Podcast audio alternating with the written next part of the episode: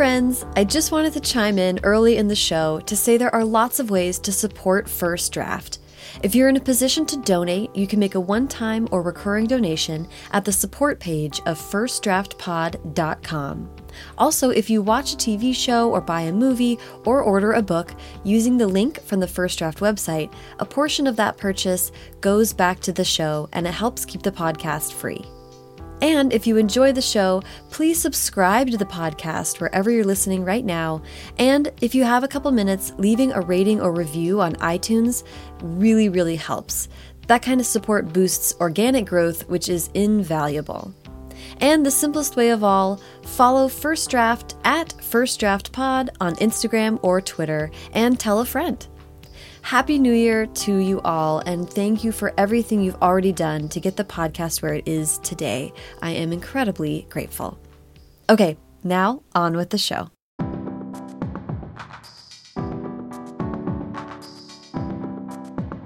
Welcome to First Draft with me, Sarah Enni. This week I'm talking to Stuart Gibbs, New York Times bestselling author of the Spy School series, the Fun Jungle series, and his newest series, which kicked off in 2019 with Charlie Thorne and The Last Equation. The newest Fun Jungle book, Tyrannosaurus Wrecks, is out March 24th, and Spy School Revolution will come out in fall 2020. I loved what Stuart had to say about persevering with his ideas, trying them in multiple formats over many years. How his background as a screenwriter taught him about structuring mystery novels, and how becoming a father made him think about his work in film and TV differently, eventually leading him to write books. So please sit back, relax, and enjoy the conversation. All right. Hi, Stuart. How are you? I'm very good. How are you doing today? I'm doing well. Thanks for having me over. I appreciate it. I'm excited to chat about your prolific career.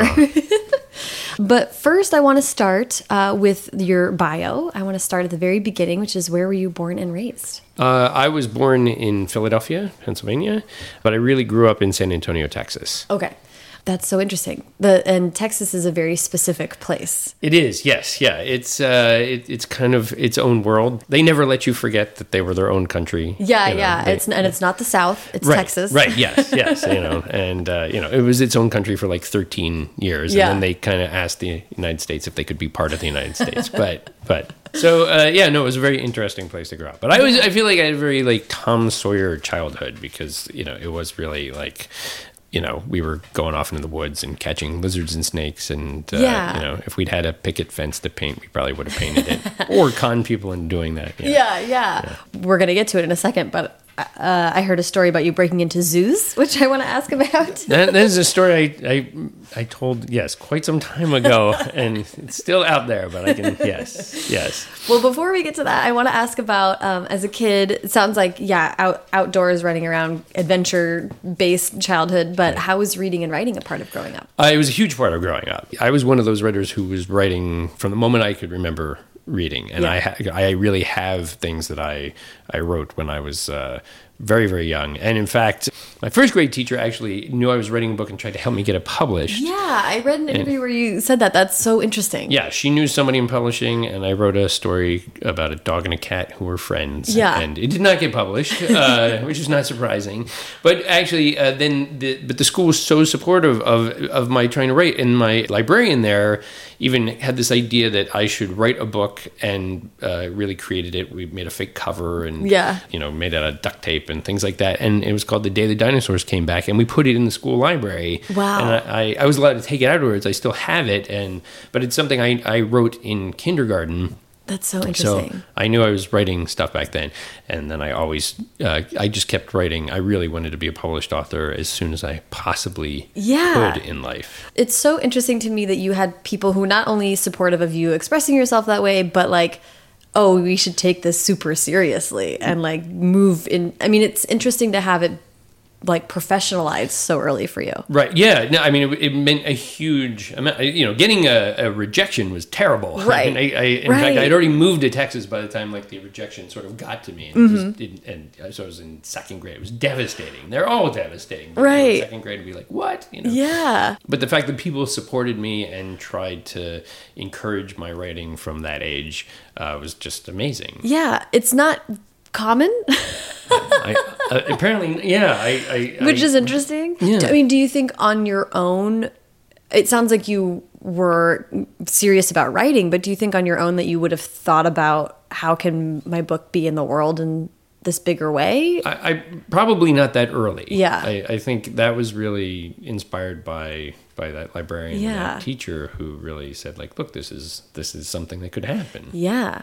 Which, so, and I, I think the reason I asked that is because I I read an interview where you were saying, and, and I'm kind of jumping around a little bit here, but where you were saying that by the time you left college, you decided to go into screenwriting because you were frustrated that you hadn't been published already. I, I was right. I was trying to get published, and I and I fully understand why I wasn't published. I was I, I was trying. You know, I was writing stuff. It wasn't ready for Right. time yet, so to speak. Yeah. And yeah, and I I just was trying to figure out like, well, how uh, how what was the best way for me to make a living as a writer. And I perceived at the time that publishing wasn't quite working out for me, so Right. maybe maybe the movie business would be a better place for me to go.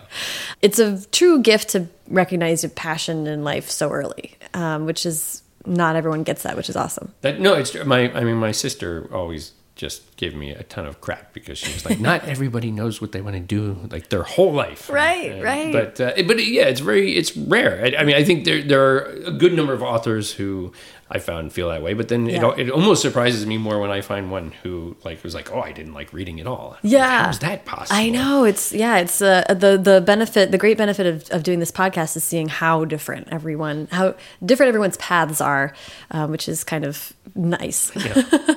you also mentioned I read a bunch of interviews with you, so uh, but uh, you mentioned going into college you didn't study writing, and that Michael Crichton was kind of an influence on. Yeah, yeah. Well, um, I mean, there were a couple of people who were huge influences, but uh, yeah, I I got an agent when I was in high school, and, Oh, and he was the only agent in San Antonio, as far as I know. His name was Charles Neighbors, and he actually didn't live particularly far from my middle school or my high school, and so I, I, you know, I used the literary marketplace, which is what you did back in the day, and Right. I found the one agent in San Antonio, and I, I called him up, and he was not able to get anything of mine sold, which again is not necessarily on him. That, Right. That's a lot on what I was writing, but he was really supportive, and he gave me what was maybe one of the best pieces of advice I'd ever gotten, which was that he said he didn't think I needed to study writing because he mm. felt like I knew what I was doing, mm. and he thought that I should study things that interested me as well as writing, mm-hmm. uh, so that I could sort of broaden my my scope. Yeah.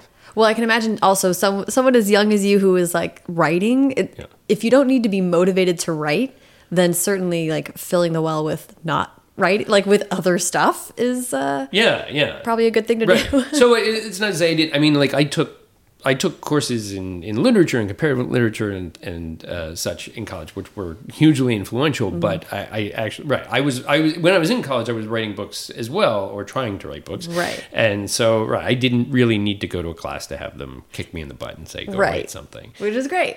And the Michael Crichton connection is that he was Oh. a doctor, right? Right. Yeah. So so when I went to college pre-internet and you had no idea how anybody became an author Anything, at all, yeah. he was one of the few people I knew how he'd become an author, Mm-hmm. and he was well on his way to becoming a doctor. I actually now know somebody whose father was in medical school with him, and the story's even kind of more fascinating because Michael Crichton was actually not just like in residency, which is enough for most people, uh, but he was actually like disappearing for weekends and writing like like pounding out entire pulp novels in a weekend while he was a resident.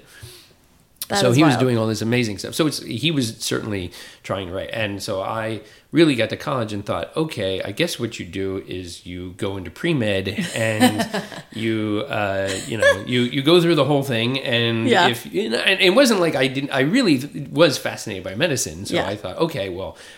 Uh, I'll just do that, and then if I get published on the way, then I'm an author. But if I don't, I'm a doctor, and that's Right. how it all works. And I was uh, maybe two days through uh, my pre med training where I thought, like, I really don't want to be a doctor so badly that I want to take organic chemistry. Right. Yes. But you did study biology. Yes. Which is super interesting. Right. And I want to hear about studying biology, how it ca- and how that also connects to having broken into zoos. Okay, well, the, well, the, the, the breaking the zoo came first. Okay. So, so the disclaimer here, first of all, is kids don't don't do this. But I uh, I loved going to the zoo my whole life. Anything outdoors uh, involving animals, I thought everybody did. I thought like that was just how everybody's mind worked. That everybody just wanted to be at the zoo every day. And so I wanted to go to the zoo a lot more than my my my family was very supportive about this. They were happy to take me to the zoo, but just not as much as I wanted to go. And at some point, uh, I was like outside the zoo in San Antonio some kind of picnic or something, and was kind of frustrated that I was not inside the zoo. And i was sort of looking at the fence and thinking like there's a spot right there that you could really just sort of and uh, so i hopped over the fence and i sort of wandered around the zoo. And then i might have gone and told friends that i'd done this and then they wanted to go and then it, we we actually did this quite often. Uh, we never hurt anything. We never stole anything. We Yeah. were just going to the zoo for free at night. And then there's the upshot of the story is that then at some point other people started going and like finding out that like we were doing this and learning from me how to do it. And uh, at some point I was like hanging out with a friend one night and happened to, he said like, you know, I, there's this rumor you've been uh, breaking the zoo. And I said, yeah. And he said, you've never run into the guards? And I said, I had no idea there were guards there. I've never seen one ever. And he's Wow. like, no, there's guards at that zoo. And it turned out that that very night, friends of mine were breaking the zoo and got busted by the guards there. So that ended that. Yeah. Never, never did it. A beautiful again. phase. Yes. I love that story too, though, because you write about kids that do like hijinks, Right. for lack of a better word. But uh, and I think some people would think that stretches believability, but There's so much I find now as uh, the, the Fun Jungle series in particular takes place close to where I grew up. And uh, it is sort of becoming more and more, in a sense, uh, based on things that I did as a kid or things that are true. And I've discovered now that often my editor, who grew up in Chicago, will question these. She was more likely to question things that actually happened than the things that I made up. That's amazing. Oh my god, I love that. And you studied biology in college, and obviously, yeah, passion. You're passionate about animals and um, and wildlife. And I just, I actually need help pronouncing this, but I need to ask about capybaras. Oh, the capybara, yes. Yes. But I mean, there's, I think capybara is just as acceptable, but, but uh, okay. So I was studying everything I, I could Mm-hmm. in college, and so uh, I studied psychology, I studied communications. Oh, I did not get very far in pre med, but I really liked biology, Mm-hmm. and so uh, at a certain point, I was very fascinated by field biology. Mm-hmm. So I was taking this field biology class, which was my favorite class I ever took in college because we would actually uh, we were never in college. We we would go off and every other week we'd do a different. Th- we would uh, ban birds one week and and learn how to track birds in the wild, and then we would do a, a sort of field biology project where you picked an animal and uh, th- this was uh, I had gone back to Philadelphia for uh, school. So this is at the University of Pennsylvania. There are not a lot of wild animals in Philadelphia, Right. except pigeons and rats.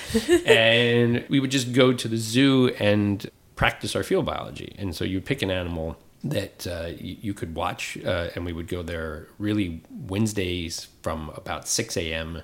until noon, and you you watched your animal for you know six hours, and uh, you you figure out what you can tell. And so most people pick monkeys because monkeys are very active, and it was the morning, and the monkeys were indoors, and it was warm, and uh, I picked capybaras because I didn't know anything about them, and they had just shown up at the zoo.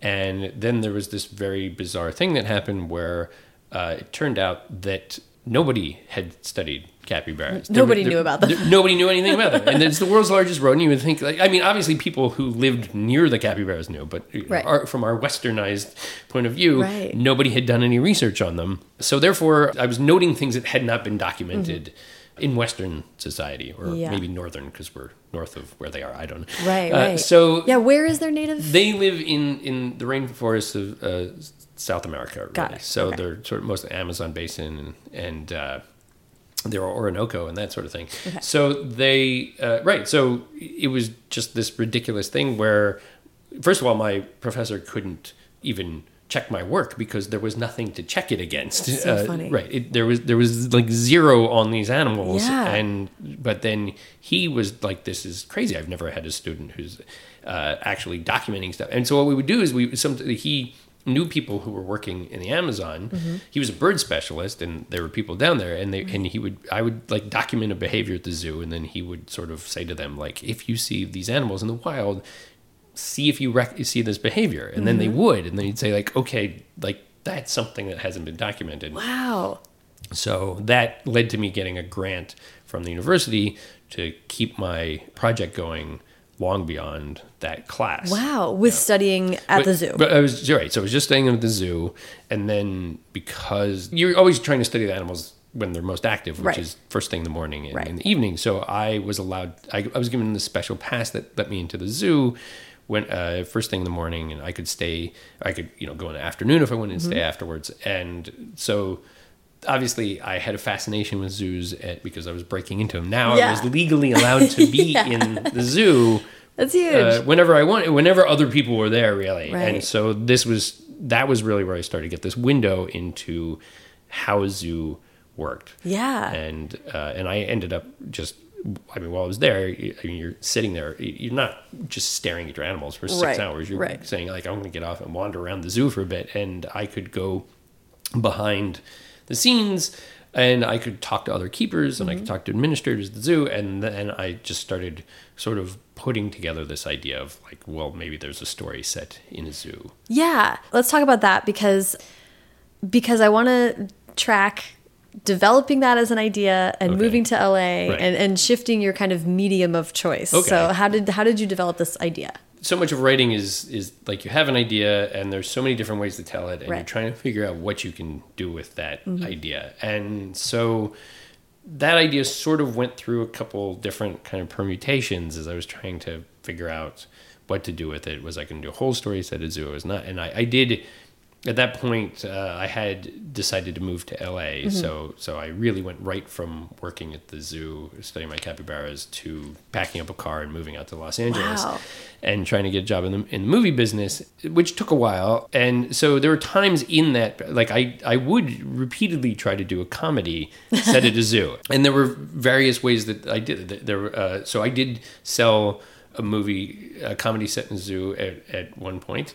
Actually, I saw I saw the movie version. I also saw the TV version of that. Okay. twice, and it never, you know, it, it just didn't ever work out. That mm-hmm. that's the fact of the movie business, and so Yeah. you know, I would I would go back to that well every once in a while, try it out, and after a couple years, this is where the segue into the the book I, the book world comes, where I was the writers went on strike. Oh yeah. That was the Hollywood writers' strike. So in 2008, I guess, and we were not allowed to work for hire, and so I thought this is a really good time to think about writing a book again. Yeah. And so I was uh, represented by uh, ICM uh, for my screenwriting and TV, and so they have a very good book division. So I said, "Can I talk to somebody in that book division?" And so feelers were put out, and uh, my agent, who's not my agent at the time, uh, Jennifer Joel, uh, an agent there, called me up and said, "Had I ever thought about writing middle grade?" And up until the point she said that, I really had thought that I was going to be like writing books for adults. I really had not thought about writing middle grade at all. But when she mentioned that and she said, "Do you have any ideas?" I thought this this uh, idea for for a mystery set in a zoo was the perfect thing to do middle grade. I, I had really thought, oh, this would be something that the you know like the young junior vet would investigate or Right. something. But then I thought, oh, middle grade, no, you you could have a kid investigate this crime because the police don't really care about hippopotamus murders. There's no hippo homicide division of any police force in America. Right. So, you know, the kid could go and say, like, hey, somebody murdered the hippo, and the, hi- and the police are going to say, that's just not possible and not take him seriously. And then he would go and do it. And then that made total sense to me. Yeah. And that was all that all happened in the space of about five seconds. In my head. Wow. Oh my gosh, I love that. I don't want to skip entirely over Okay. the writing for TV and movies. Sure. Just because it is so interesting to me that I'd like to just hear like what that time was like and were you feeling I mean, know it took a strike for you to Right. kind of turn to books, but were you feeling frustrated or were you satisfied with that work or how'd you like it? You know, when I first came out, I ended up sort of lucking into getting screenwriting jobs relatively quickly, uh, but because I, I wrote for B movies, so the so the very first job I got out here through like a, a friend of a friend of a friend was to be a script reader at a company that made kickboxing movies. And kickboxing movies were very exciting at the time, and uh, they were really movies where people fought by kicking each other. Yeah. It sounds ridiculous. I mean, you know. This- Hey, Jean Claude Van Damme right, exactly. career, you know? No, they had made some Jean Claude Van Damme movies, and then he'd gotten like too big for this company. So I, I went to work for this company, reading scripts, trying to find them kickboxing movies, and after a couple weeks, just went to them and said. I, I convinced. I said, "Just why don't you just pay me to write the kickboxing movie Mm-hmm. you want?"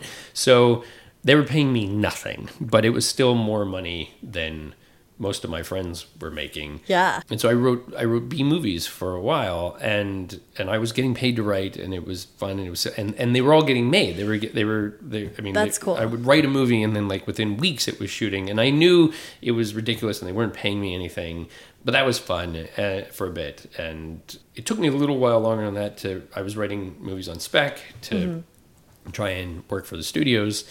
Uh, so that I, it, I I did my B movies for a while. Eventually, was able to sell to the major studios, but that was that's the nature of the business, which is that you Mm-hmm. write stuff and it has a very small chance of coming out. Right. And when it does come out, sometimes you like it and sometimes you don't. Right. And uh, there's a lot of people with their hands in in that pie Yeah. but for a while that was you know it was fun too and then it really it, i really did get to 2008 and that writer's strike and that was about the time when uh, my son was two years old my wife was pregnant with our daughter and i really sort of was thinking one day you know one day my son is going to say to me like what do you do for a living? And i'm going to say i i write things that don't come out right? and Right. it really felt like i was like saying like i make air i Right. just like like right i make stuff but nobody sees it and it just goes nowhere and or it comes out and i'm, I'm not happy with it and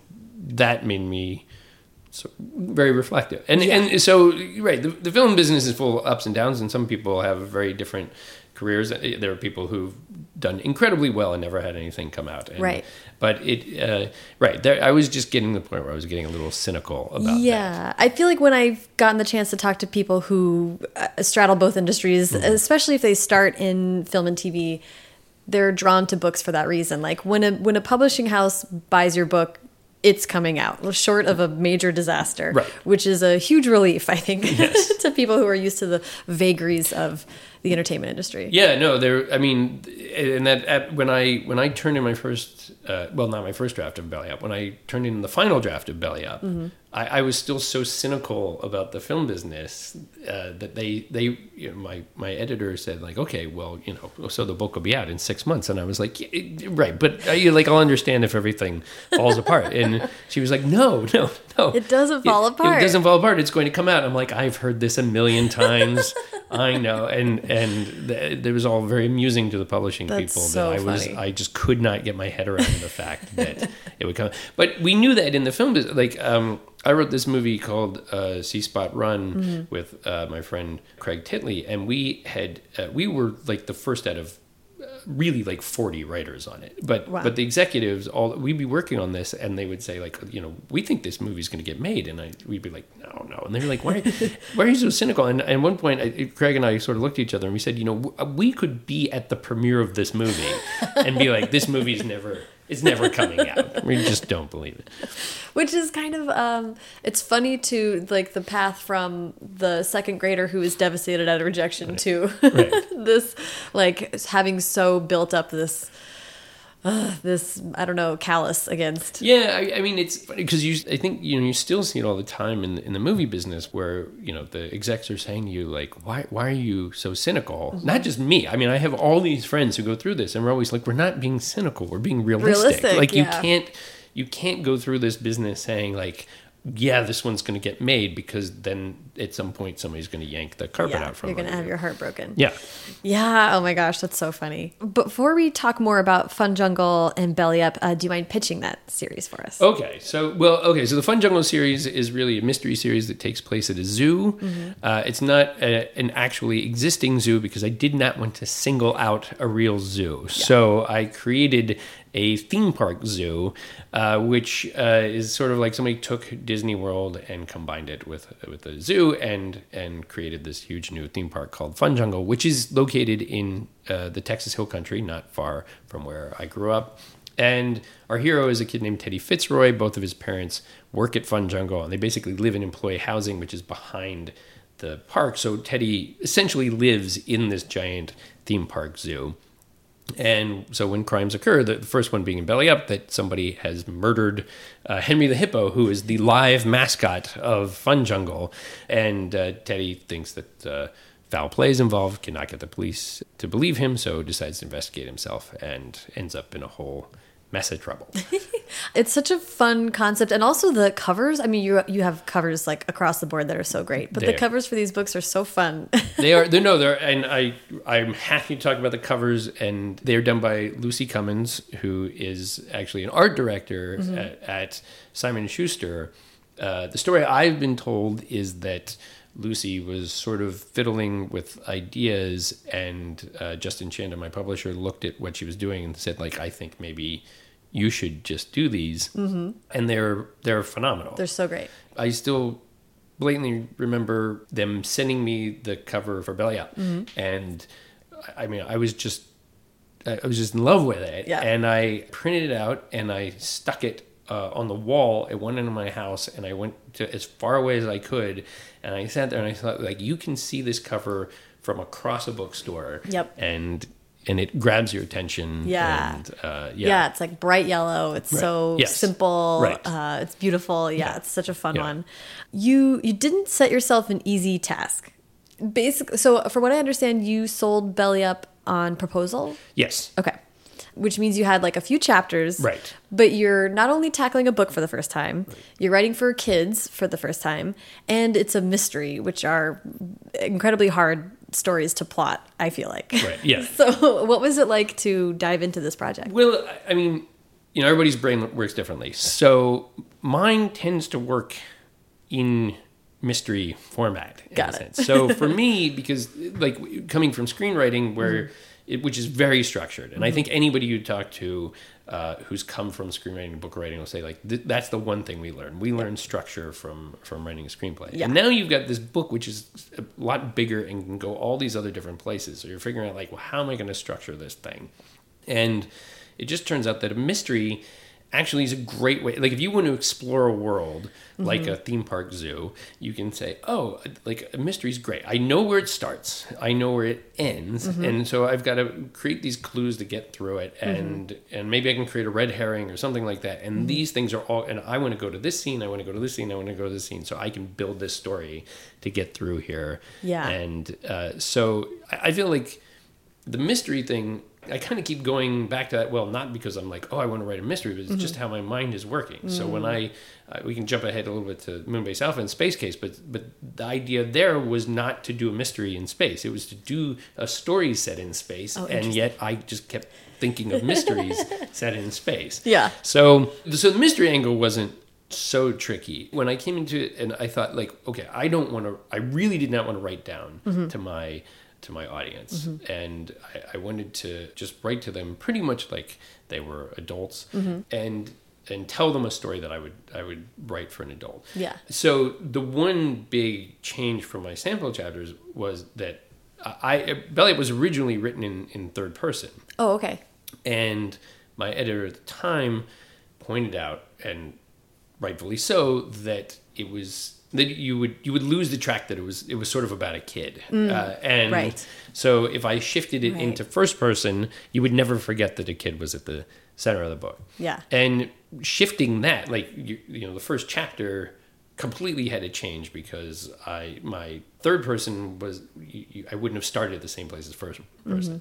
So I had to that was what I had to do to prove myself. He'd seen the first couple chapters and then he said, "Well, you have to go back and rewrite these chapters from first person and see if you can do it." And then so I did that and and the starting the book was sort of the heaviest lifting figuring like Yeah. how did I shift that? But but it, it was the right note and obviously writing in first person uh, is what I've done for most of the other books I've done since Yeah. then because it just worked for me. It's really, I mean, it's uh, it's so immediate. It feels like very appropriate for kids' books in general. And I write in first person, or have to this point. But that is like the polar opposite of a movie. Yes. Yeah. So that's that's a challenge. but there's but there's but I mean there's a lot of fun stuff in writing a, a book. There are some constraints in writing movies Mm-hmm. th- that you you really are locked into this structure and you're Mm-hmm. not given a whole lot of freedom to wander over and explore Yeah. uh, stuff except unless you're Quentin Tarantino maybe. Right. But for the most part you're really like okay, I've got to tell this story this fast and I and uh, I can't have big long dialogue sequences or, or things Right. like that. So the idea that you could really have a, a, a chapter that was 10 pages long and it was just a dialogue sequence that you just wanted to write how it just flowed was really fun. Yeah. Uh, the fact that I could say, like, oh, I'm going to just describe this thing or talk about how the zoo had decided to make Henry the Hippo their live mascots, And uh, I could just go off on these digressions. And that was really new and exciting. I, obviously, I had written books before, Right. but I'd been working in, in screenwriting for so long, I had not had that freedom. yeah. Now, the flip side is that when you have to change things in a book, it's a lot more work. Yeah. So Belly Up came out in 2010. Yes, And then you were doing a book a year for a couple years, right. But you didn't immediately do a follow up to Belly Up. How That's- did how did you decide to move forward? Well, that was all sort of with publishing. So actually, what happened was I, I did Belly Up, and then uh, I was approached by uh, Dan Ehrenhaft, who Oh, you may have know. Uh, Right. So Dan was at HarperCollins at the time, and HarperCollins was trying to create its own intellectual property. So they were trying to go on the, the Alloy method. And so Dan was running that division, and this was his first idea was to do uh, this thing called the Last Musketeer, which was about a kid going back in time and 400 years and ending up in France and sort of uniting the three musketeers for their first project. And I had just done Belly Up, and he'd read Belly Up. I guess he'd gotten. Uh, uh, I don't even know if there was an art. I don't know how he necessarily got this. Now that I think about it, but he'd read it, and so he came knocking. And at the time, they were very, very excited about this project over at mm-hmm. HarperCollins, and they were sort of like, "You're not going to have a lot, a whole lot of time. Write this, and you've got to clear out September because you're going to be going all over the country touring." And Simon and Schuster, who published Belly Up, was sort of like, "Okay, hey, if they want to go promote you, great." So I turned to do that, and it didn't work out quite as well as we hoped. Uh, not any fault of Dan's, but I got the first book done in this trilogy that I was contracted for, and uh, they fired Dan and sort of shuttered the division, and uh, and so I was sort of left trying to figure this out. Right. And then in the midst of that, uh, Simon Schuster uh, had you know liked uh, Belly Up, but said to me, "Is there something else that y- you would like to do as well?" And I don't know if that was my option then to say I'd like to do a sequel or. Or, or if they were just re- really kind of pushing me to like, come up with something else, but Mm. I had this other idea that I had had for a very long time called Spy School. Yeah. And Spy School actually dates back to me being a child. Yeah, And- can you, I love this yeah. story. Can you tell this Oh yeah, no, I so I'm not exactly sure when it was, but but I saw my first James Bond movie, so I, I can kind of peg the time because the first James Bond movie I saw was Moonraker, which is like the worst James Bond movie they ever made. but we didn't know that at the time because you can only see one James Bond. I didn't even see it in the theater. I saw it like in a hotel room, like while we were on vacation, and like my parents were at a convention or something. And so, but uh, it was it, like my friends and I were all like, James Bond is the the coolest guy ever. And we were running around pretending to be James Bond. And I actually wrote some James Bond fan fiction, which was not called fan fiction then. Uh, it was called plagiarism. I don't know what it was called.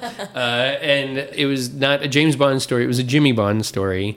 It was a, a story called The Golden Water Pistol, uh, which is a riff on The Man with the Golden Gun. And so it was about Jimmy Bond, James Bond's son, who was well aware that his father was a secret agent. Yeah. Jimmy's just pretending to be a secret agent. he's he's not really he's just thwarting a bully at his school. But I had the idea while I was writing that that maybe Jimmy went to a top secret spy school. But yeah, I, I came up with the idea for spy school while I was writing that story, and that was another idea that I just sort of kept in my pocket for years and sold in various forms. Yeah, I was going to say it, you developed it as a TV show at, I at developed some it, uh, yes, two times. Two Yeah. times. yeah.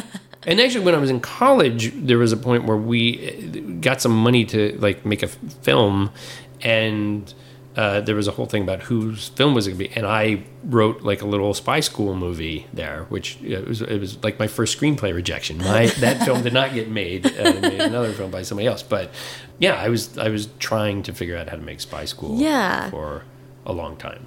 I mean, I'll throw out an industry story that I was pitching to a network that specialized in making uh, things for kids, and they said, "Gosh, you know, this is a great idea, but we already have a project called Butler School."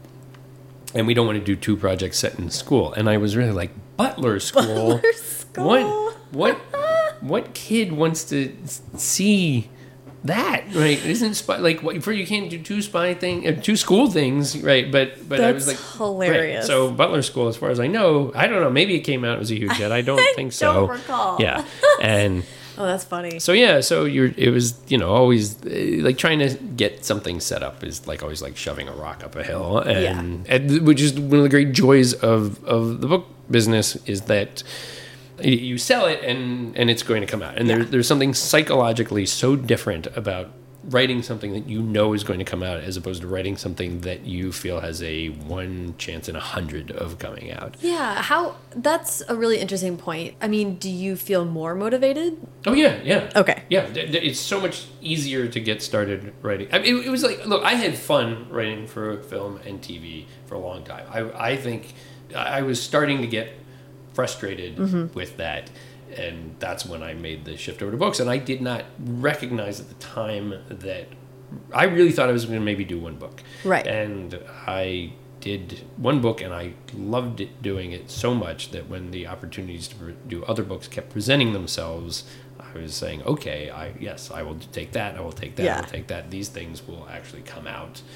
And it was it was so much more interesting to me to do that Yeah. than to take a screenwriting job to do something that probably was not ever going to see the light of day. Right. With Spy School, I also want to ask um, about tone. uh, Okay. Because middle grade, I, it's just interesting to me. They're humorous action adventure stories. Okay. They're really funny. But you are like, especially with the Spy School books, it's always like, and they might die. Yes. there's like, and people die, and animals die, and there's a lot of real stakes.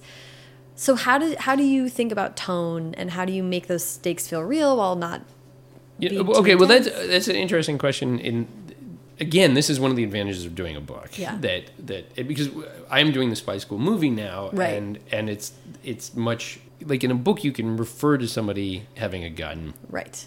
Sometimes people don't like that, but for the most part, people are okay. In a movie, you can't put a gun in a kid's hand, Right. So you can sort of make these offhand jokes about. Uh, kids and having guns or or, or death or or, the, or the threat of death in a book, and you can do it sort of in an offhanded way because it's not like kids don't know that this is out there Right. in the world. I mean, like to me, like uh, much of the humor from Spy School sort of stems from the idea that that as kids and adults, we're we're, we're exposed to the spy world through Yes. movies mostly. We Yeah. really don't know what's going on in the spy world. But if you look at the movies, it looks like the most glamorous, amazing action adventure profession, and yet in real life, it probably is nothing remotely close to that. There's a lot of paperwork. A lot of paperwork. Yes, exactly, exactly. And so I thought that that juxtaposition was really funny Mm-hmm. about like saying like on one hand throwing kids into this and and the kid thinking like ooh I'm going to get turned into James Bond and people Right. going like no it really doesn't happen that way. But then even when he sort of ends up in James Bond situations realizing that like James Bond might as well be a superhero, right? Right. There's no way anybody can do everything that James Bond can do, which is sort of the fascination of him as a Right. when you're a kid. And, and like even as adults, you say like, okay, he's super cool, but but it's just and, and now I think the Mission Impossible movies have kind of taken over this mantle, and Totally. that, that Tom Cruise can do. Like he's actually training to do all this insane Yeah. stuff when he's doing them, but that he's just this guy who can fly a helicopter and and Hold and- on to a plane right? and Exactly. scale a skyscraper or whatever. Right. Yes, he can do all this amazing stuff, and and you know, to me, like I love talking to kids about this, where you say, like, look, if you if you put anybody, any real competent person, you can take the most competent person you know, and you can put them in that situation, and they're still going to fail. Yeah. And, Yeah.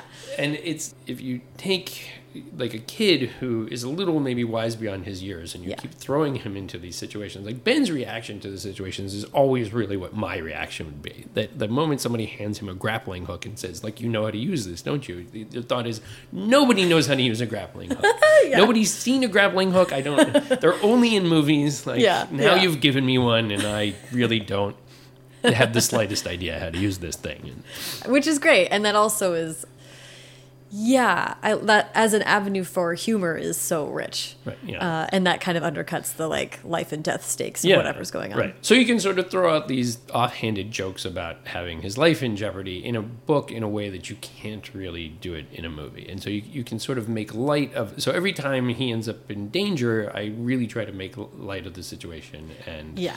So yes, there there are kids who are really doing things that no child should be asked to Right, do. right. But uh, and it, it's interesting and, and i do want to ask a little bit about about writing the script for the movie and how the the labyrinthine process of getting that done which you talked about in a blog post recently trying to stay as close to the book as possible. Mm-hmm. Although, you know, I, I constantly am explaining on my blog to my Yeah. young readers that, that you have to also recognize that a movie is not a book and Right. that changes are going to have to be made. And Yeah. when- and look, the same guy I mentioned before, Craig Titley, who uh, who I've written See Spot Run with, Craig did the adaptation of Percy Jackson, which I think Craig actually did a very good job of adapting that, that book. He he figured out a way to streamline it in a way uh, that that worked, yeah but kids are very upset about it. And, I, and and partly because they made Percy older. Right. I, I think an attempt to get more. Uh, that was not Craig's call, but the idea was to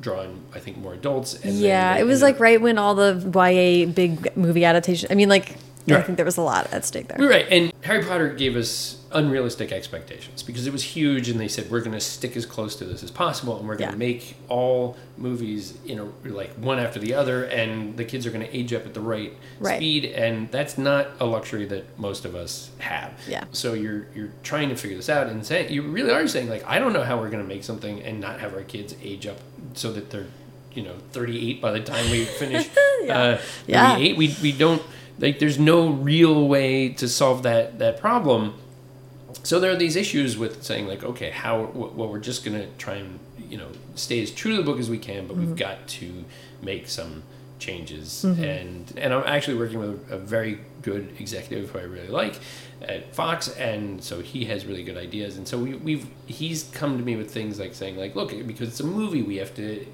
bring this issue up a little bit earlier. Mm-hmm. The story's changing in some ways. We're trying to keep it as as true as possible and hopefully like as long as like people will go and they'll see it and they'll say like that was pretty much the same Yeah. movie now there are things that we can do in the movie that we like that i couldn't do in a book like, Right. i can make the final action sequence a lot bigger Mm-hmm. uh, i can uh, also recognize that when I wrote the book, I did not know that Zoe and Warren were going to be such major characters as they uh, as the series went on, and so I can make their roles bigger now than they were in the book. So which is cool. It's Yeah, kind of yeah. like your chance to like dive back in there and Right. correct Yes. for things right, uh, which i think a lot of writers wish they could do for yeah. the first book of a series So some of the reinvention has been kind of fun to say, like, okay, here's how I can play around with this and, and make it a little better. The, the hardest part has been just actually figuring out what to cut, which is uh, Right. by far the, the I, I when I having never adapted any book before, let alone my own, Hmm. I sort of I told the studio, well, I'm just gonna put everything in, and it was it was by far the longest screenplay I had ever turned in. how long did it Uh, it was 130 something pages when I joined, which is way too long. And ideally it should be like 95 Yeah, for a kids movie. yeah and that you know that was my thought was i'll just make it big and then cut stuff and Mm-hmm. that that was maybe not the wisest decision i don't know i i, I mean i've already done it and so i'm really desperately trying to I, so i have gotten it uh, over subsequent drafts it is gotten down to about 110 pages Mm-hmm. and uh, i've got a meeting on monday to try and see Work that out. how- right see if we really need to go any uh, lower or if we're if, if we're like no we're, it's close enough Right. So you sold it to Fox, and then like the entertainment business happened, and Right. Disney bought Fox, Right. and it became this huge thing. Right. Well, and I knew that was going to happen. Okay. I, I mean, I, I was not. It was not a shock to me that. Okay. that- I mean, I knew uh, Disney was going to buy Fox. Uh, what I did not know was that my executive on it, who was such a huge champion of it, was going to uh, decamp for Netflix. Oh. So then I had this option to say, oh, I could. She would love for me to bring it over to Netflix, but I'm like, you got me over here. Right. So I sort of I, I lost an executive, and it took a while for me to get uh, the new executive on it. And by his own admission, there was a, a several a month gap where he sort of described as like pencils down, everyone, and they just sort of sat there at their Right. desks waiting to see what was going to happen. Yeah. But now. Disney's up and running. Disney has multiple new. Uh, I mean, they've got Disney Plus, which is a whole new platform. Yeah. Which everyone is kind of going like, okay, maybe is that the way we go now? Is that is that? I mean, streaming has really changed this business in such a major way. It's wild. and and you're getting to make things. I mean, like nobody made romantic comedies for for five years, maybe ten years. Lo- Yeah, long. Yeah, Yeah, and and that was a lot of what I did before was right. Uh, again, a lot of them didn't come out, but I did a lot of those, and now you and and then there was no market for them. Now suddenly streaming's like, hey, romantic comedies, let's make them, Which is awesome. Yeah, yeah, yeah. It's really fast, and it's kind of a fascinating time for you to sort of like step back in, to, as it's like changing more than ever, faster than ever. right. Yeah, yeah, fascinating. right. And they all need intellectual property, and Yeah. So yeah, so but that said, like there, there's this wild wild west aspect of it, but they're, they're again they're they're look, in terms of say making Fun Jungle, they're still not necessarily going to be like, hey, you know what? We don't have two hundred and fifty million dollars to build a theme park zoo. Right. You can shoot this. Right.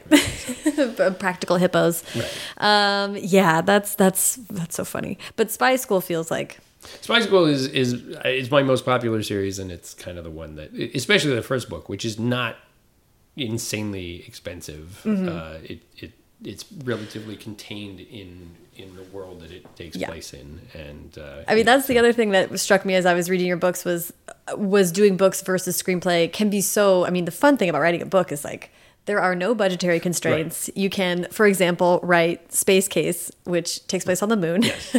and do whatever you want on Yes. the moon, Yeah.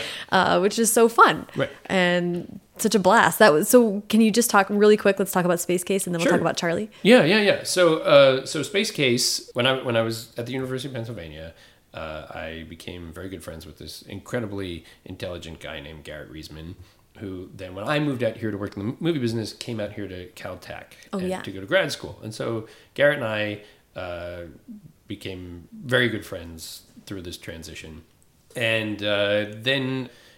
Garrett decided he wanted to apply to become. He always knew he wanted to apply to become an astronaut, but I was sort of with him through this whole process, and then and he got in, and he became one of the youngest people ever accepted to be an astronaut. Wow. And so, I- and I had always growing up in San Antonio, it was not that far from Houston, where the Johnson Space Center is. So that was a Mm-hmm. place we would go visit when I was a teenager. Uh, I've mentioned this to other people. I, I did write to NASA and volunteer to be the first teenager to go into space. Yep, and I I. I played up my writing chops, and they said, "Look, I can, I could write something about this." Uh, and they rejected me, uh, as well as every other civilian who ever volunteered to go into space, pretty much. Uh, but, but so when I got this friend who was an astronaut, I was instantly like, I am taking advantage of everything. And and I mean, Garrett and I, I mean, we're good friends. So he, I was afforded some opportunities to do things that even most people are not allowed to do. So I really got to go behind the scenes a lot at the Johnson Space Center. Whenever he went off into space, um, you know, we got the VIP seats to watch uh, space shuttle launches and that's so such. cool. So when he went into space the first time, which did- sort of a parallel in the film industry, there were some Right. hiccups along the way. Did not Right. go quite as as well as as he thought. There was a long gap between the time he got in and the time he, he first went in space. And so Belly Up had I had just gotten the arc of Belly Up. Wow. And when he was preparing to go, and he said, could he take anything of mine into space? And I was like, yeah, cool. So I, but I was trying not to weight him down. So Right. I thought, okay, I will send photo. I, was, I gave him pictures. I gave him a picture of my son, a sonogram of my daughter, and uh, I tore the cover off the arc of Belly Up, and I gave that to him. And so he went up and he was on the uh, International Space Station for three months. And one day he took these various things out and he took pictures of them up, up, against the window of the International Space Station with the Earth in the background. Wow. And then he emailed me these photos from space, which is That's so amazing. cool. so then I turned around and I forwarded the email of Belly Up. I, I, I I put it on Facebook. I, I, I Yeah. put it everywhere. Yeah. And my my publisher and my editor at the time, uh, it was uh, Kristin Ostby, uh, called me up, and uh, Kristin called me and said, like, you know, an astronaut. That's incredible. Could you write something set in space? I Actually, I think at the time was saying like, could you and Garrett even create Right. something? Right. And so when Garrett came back down, I said, you know, let's talk about what we could do. Garrett actually had a brilliant idea, which was to do Swiss Family Robinson on Mars. Ooh.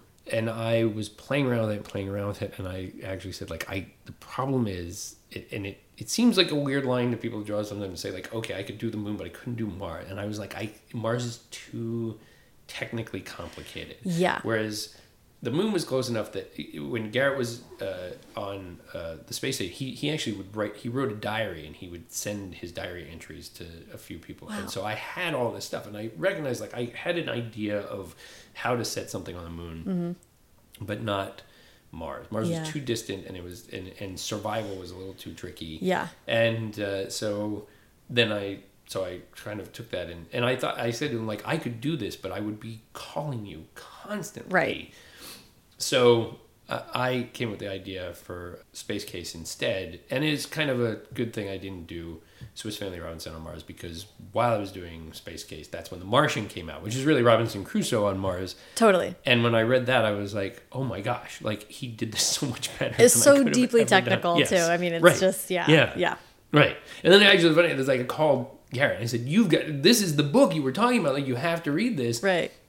And it took him a while to get to it. And then one day, like it was over his place, and he was reading it. I said, "What do you think of The Martian?" He goes, "Oh, so boring." And I said, "Why?" He's like, "It's like it's like work." Yeah.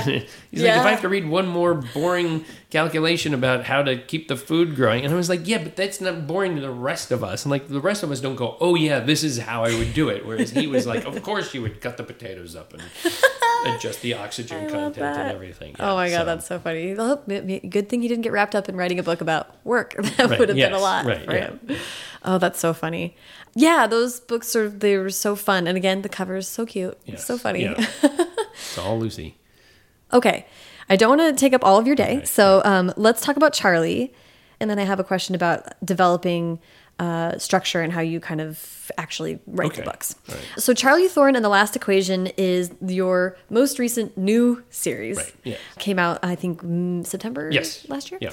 And ha- features a female protagonist for Right, the first time. yes, right. So, oh, first of all, can you pitch the series for Okay, us? so so the series essentially the idea of the first book is that uh, Einstein uh, discovered an equation that we don't know about. Mm-hmm. Uh, he found uh, an equation that's sort of a corollary to equals mc squared. Says like, okay, there's all this tremendous amount of energy in every atom, but as far as we know, it's very hard to get out. So Right. Einstein figures out, hey, I know how to get this, which is great for us creating energy, but terrible for uh, the security of Earth. So, what would Einstein do if he had come up with something like this? He probably would realize he couldn't trust us with it. So, he hides it away, creates a series of clues leading to it for somebody some point in the future to find, and even actually decides to destroy it at some point, but fails. And so, 70 years after Einstein's death, nobody's been able to find this equation. Uh, our government's been looking for it other governments, good guys, bad guys, and our government realizes there's some really bad guys who seem to be closer to finding this equation than we are, and we can't let this happen. So, out of desperation, they think uh, one small division of the CIA says we're, we're going to recruit the closest person to Einstein we can to help us track this down. We're going to find the the biggest genius we have in the United States right now, who happens to be a 12 year old girl named Charlie Thorne. And Charlie, who has the brains of Einstein, has, has not behaved like Einstein. she has actually used her brilliance to possibly commit a crime or two. So she's really blackmailed into uh, joining this, uh, joining forces with the CIA, and really uh, is thrown against her will into this sort of world of action and adventure and danger around every corner. Which is interesting. Well, I guess uh, not. Maybe this isn't necessarily true, but it's interesting to have a main character that's reluctantly solving the crimes. Uh, so the best thing is when when I was a kid, there was not so much middle grade and YA, and most of us went and read our parents' stuff, and so we read what was very and what was very popular when I was growing up were Robert Ludlum novels, Right. Which have had a little bit of a resurgence with with the Bourne uh, Right. identity. But those were always these books where it was always someone who was thrown into this against their will and ended up having these amazing adventures traveling around the world. And then the closest thing that was maybe that when when the Da Vinci Code sort of exploded in about uh, 2003 and to be honest, Charlie Thorne sort of has its inception around that because I was playing around again. I was screenwriting. I was playing around with the idea about trying to do a book at some point, and I was at the American Museum of Natural History in New York, where there was this amazing exhibit on uh, Albert Einstein, and I saw that and thought, okay, that's there's something in this about having this this equation someone's going after and again was not thinking middle grade was thinking like Right. that that it, they would go recruit an adult criminal who would come Right. in for this and it wasn't till i had done all these other middle grade books and was really wrapping up the moonbase alpha series Mm-hmm. And my publisher said like would you you know what do you want to do next Yeah. and i said like this idea i've been kicking around for 15 years at that point maybe Yeah. like i would like to try and do this So, what made you think that Charlie should be a girl? uh, so when i was sort of putting together the idea for this whole uh, series i mean obviously the first one is einstein you say okay well what else could i do Right. and i began to think that what if einstein was not the only person who had made a great discovery and, and hidden something away? So then you start to say okay well who are the great iconic scientists? And i would go to schools and i would sort of ask kids like give me the most iconic scientists. And you, you start to hit like this same list. It was it was einstein darwin mm. galileo newton. Yeah. and like maybe you know some point you know there would be people who's like okay marie curie. And you say okay Right. right, yeah you know that's but you've got to get much closer to our time before you even see like obviously there's jane goodall and there's dian Right. fossey and there, there there are female scientists but they're not as famous as the men and there were no female scientists for a tremendous amount of Right, or no human history. credited. or no credit yes Yeah. exactly right yes because we they're, they're right there are definitely ones who did not get the credit and Right. had the credit but even then you're still talking about 1900s for the mm-hmm. most part. And so, you know, all my protagonists up to this point had been young boys. And I just was thinking, uh, like, I have a daughter. I uh, I had been getting a lot of uh, kids saying, like, when are you going to do a female protagonist? My choices to always have male protagonists were usually based on two things. One that I I was a young boy and I was writing from first person, but also that there was a, a lot of pressure in the business that to write for boys Right. because boys are not as awesome as girls in the sense they will not necessarily read a book with a female protagonist, whereas Right. girls are totally cool with reading a book with a male protagonist. Yeah. It's not true for every boy. It's not a true. I mean, obviously, boys read the Hunger Games and things, Right. but it just felt wrong to say, uh, okay, here are all these great scientists throughout history, all men, all white men, Right, really. right. And now I'm going to create uh, another genius along those lines, and that is also a guy. Right, right, right. And I, I was like, I can't do that. It's gotta. It, I'll alienate every girl on, on earth, but it also just it felt wrong. Yeah. And you know, I talked with my daughter and her friends. Yeah, uh, I was going to say it was the, you had Yeah. kind of a window into you were Yeah. you you had access to resources. Right. Yes. Yeah. I mean, I, like, I, I was not. I was going to do this one in third person anyhow because I just thought that I I wanted to do something in third person. It, Mm-hmm. changed the way I could tell the story, and I did want to do something where I got into the bad guys' heads and Ooh, yeah. and switched perspective a lot more. But I I wouldn't have written a first person from a girl's perspective just because I didn't feel that was something that I should be doing Mm-hmm. necessarily. And when I got to third person, I thought, okay, well, I can describe what she's doing, Yeah. get in her head a little bit, and uh, but yeah, then I could. I talked to my daughter was very. I mean, she she just wanted this super kick-ass uh, Yeah. female protagonist that uh, I mean was probably in the first round was too kick-ass. She just there she could do everything Right. and that was it was just it was a bit much Mm. and and then the solve for that was to just let her be really cocky and think that she could do everything Right. and then discover that she couldn't necessarily do it.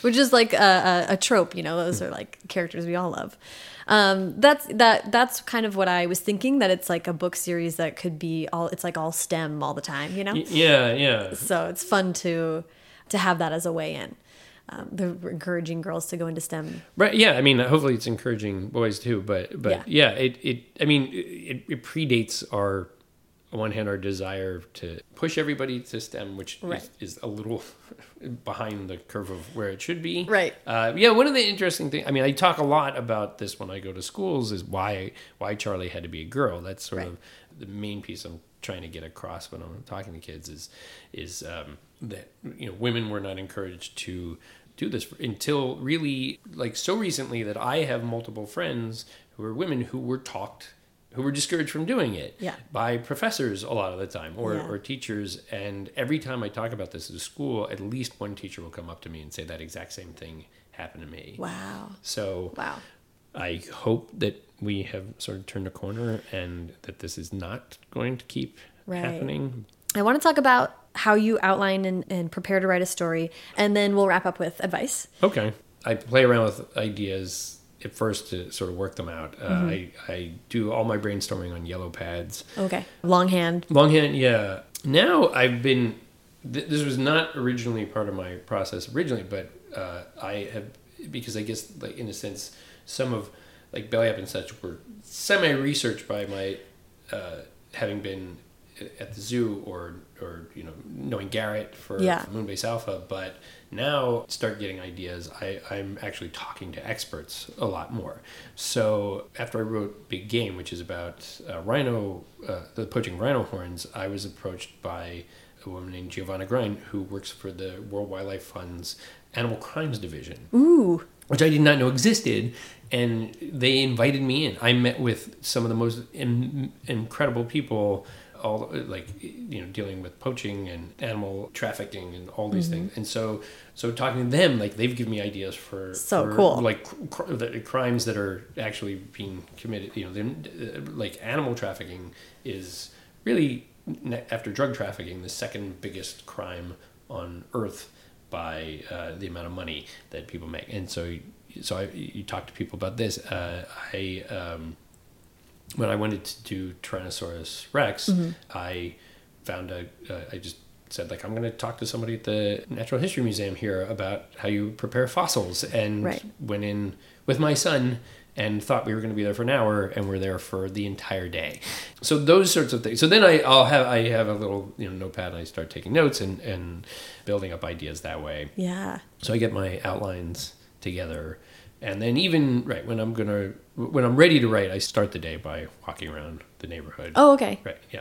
That's, Yeah. that's just i just walk with the dog which i have to do anyhow but There you go. uh, he and i work on ideas come up with what i'm gonna do that I love that. And and I read that you you said you outlined the first half and Yes. then let the second half Well, that that sort of was like a function of trying to figure out how to how to make this work, right? So so when I um, when I first wrote books, I didn't outline, which was probably part of the reason they weren't good enough to get published. And then I got into screenwriting, and screenwriting is all about outlining. Yeah. So coming back to it was sort of this this halfway point. So what had happened was that I had really outlined Belly Up, and then found out when I was writing it that once I got about halfway through, I started to realize that that the outline didn't quite. Uh, I was just veering off of it. So I ended up going to where the story ended, but there were things that were changed. I was realizing I needed new characters. I was, I was uh, like, it was hard to see the whole book ahead of time when you're Yeah. outlining. So I now what I do is I right I outline the first half. I start writing, and as I'm writing, I start to kind of build the outline Yeah. at the same time for the rest of the book. So that- Yeah. so I do go back to it. So I ultimately I do. By the time I'm halfway through, I Mm-hmm. have the whole outline. Yeah, But- that's kind of how I've been. Oh, yeah? that's kind of what I've settled. I get to like uh, I just got to the to the end of the first third or first Okay. act, if you will, and then I was like, okay, let's like look at this and see because you have to totally re-iron it kind of all out and Yeah. adjust for. There's so much in books that you know the first act is forty thousand words, so like things change. Right. Yeah. Yeah. right. And again, like obviously there are people who don't outline, Mm-hmm. but but one of the conversations that seems to occur a lot of the time when uh, authors get together is that those of us who are outlining are throwing out a lot less of the that we've written than the people who are not outlining. Yeah. So you see a lot of people who don't outline kind of going like, hmm, maybe I'll try and outline, but you never see people who outline going like, well, maybe I'm just going to free wheel this Yeah, thing. Right. that's so true. That's yeah. the thought of that is like terrifying. Yeah. And oh, so I do want to wrap up with just advice. Okay. I'd love to hear. I haven't gotten the chance, unfortunately, to talk to too many middle grade writers. Okay. So I'd just love to hear advice for writing for younger readers like that. I mean, I, I like I said earlier, I really believe you should not be writing down to them. I think they are capable of handling pretty much anything. Every once in a while, I'll have like a teacher sort of write and, and get on me for the lang- like I'm using language that they can't quite figure out from context, and I'm like, but you know what? They can if they can't, they can skim it or they can just go look the Yeah, look it up in the dictionary, right? But uh, yeah, I, I never really pull back from a word and say like they they don't know what this word means, so I'm not going to use it. Yeah. I, I Kids are like, curious. they That's can how I got out, my right? If- vocabulary. If, it's a fun word, it's a fun word. Yeah. So that's my thought. I, I recognize that sometimes my uh, my characters don't necessarily behave like maybe a normal kid their age would. I, I make them really smart, and I, so I'm like they just behave like a really smart kid would. Yeah. behave. Yeah. I mean, if there are people out there who are who are still trying to get published. Mm-hmm. Um, like I talk to kids about this all the time because I think uh, like there's a lot of kids who are in my position and they th- they're in uh, elementary school and thinking if I don't get published by the time I graduate high school that means I'm a bad writer. It does not mean you're a bad writer. It means you're a young writer. Yeah. And and this sort of goes through your whole life that like getting uh, rejected is not you, you've got to have the right idea and be in the right place at the right time and get to the right person and you know the important thing to know is that uh, if uh, most you know most people took who knows how many times to, to get published Yeah. and, and if everybody quit uh, there would be no books in our libraries or our Yeah. uh, our homes or our bookstores except for maybe books by Gordon Korman really so Yeah, I yeah. love that. So yeah, so I don't. I mean, I, I I talk to kids about that a lot. That you just you know rejection does not mean it's you. Right, right. yeah. And obviously, if if anything, my career has been about like saying like, okay, this idea didn't work this way, so now I'm going to try it this way. I'm going to try in this format, and and the world of writing is changing constantly. Right. So, Yeah. uh, right. So if you couldn't get a romantic comedy made 10 years ago, you can take that same romantic comedy and try and get it made now. Yeah. Uh, now that people are actually wanting to make them again. Love it. Which I'm grateful for. Oh. Um, this has been so fun, Stuart. Thank you for giving me so much time. Oh, yeah. Well, well, thank you for inviting me to be on this uh, wonderful podcast.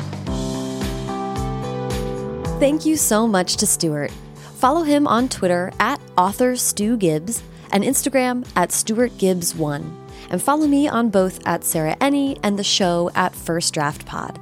For links to everything that Stuart and I talked about in this episode, check out firstdraftpod.com. Uh, there was so many great things that he brought up over the course of this chat. You can get links to all of them, uh, kind of go down some rabbit holes. Uh, it's really a fun time. I encourage you to check out the show notes. If you have any writing or creativity questions that you'd like me and a guest to answer in an upcoming mailbag episode, please leave a voicemail at 818 533 1998. Uh, the questions you guys have been sending are so fun and really fantastic. I've really enjoyed the mailbag episodes and I want to keep doing them. So please call and leave your comments. There are a lot of ways to support First Draft. Buying books through the links on the First Draft website is one of them. Uh, as I mentioned, the show notes are replete with links uh, to fun things, not only books, but movies and TV shows. So if you go and follow the links and purchase anything, it contributes to making the podcast free, which I very much appreciate. An easy way to support the show is to subscribe to the podcast wherever you're listening now. And if you have a few minutes, you can leave a rating or review on iTunes. I'll read one right now. That was left by MTNGRL73, which I'm guessing is Mountain Girl 73. Mountain Girl says, Coffee break with storytellers, five stars. I'm new to this podcast and have listened to only three episodes, even though a writer friend recommended it to me nearly a year ago. What I like about it best is that it feels less like an interview and more like eavesdropping on two writers just chatting. The conversation flows naturally from light icebreaker chit chat to difficult topics about how the writers manage stress, disappointment, or the surprise reality of the publishing business. I love that, Mountain Girl. That's I'm glad that a writer friend recommended it to you. I hope that by now you've listened to more than three episodes, although you know, no press. Um, thank you so much for taking the time to leave a review. That really does help the show grow organically and get us in front of other people that might not find us otherwise. Um, I love that. Thank you so much. Haley Hirschman produced this episode. The theme music is by Dan Bailey, and the logo was designed by Colin Keith. Thanks to production assistant Tasneem Daoud and transcriptionist at large Julie Anderson. And as ever, thanks to all you kid spies in training for listening.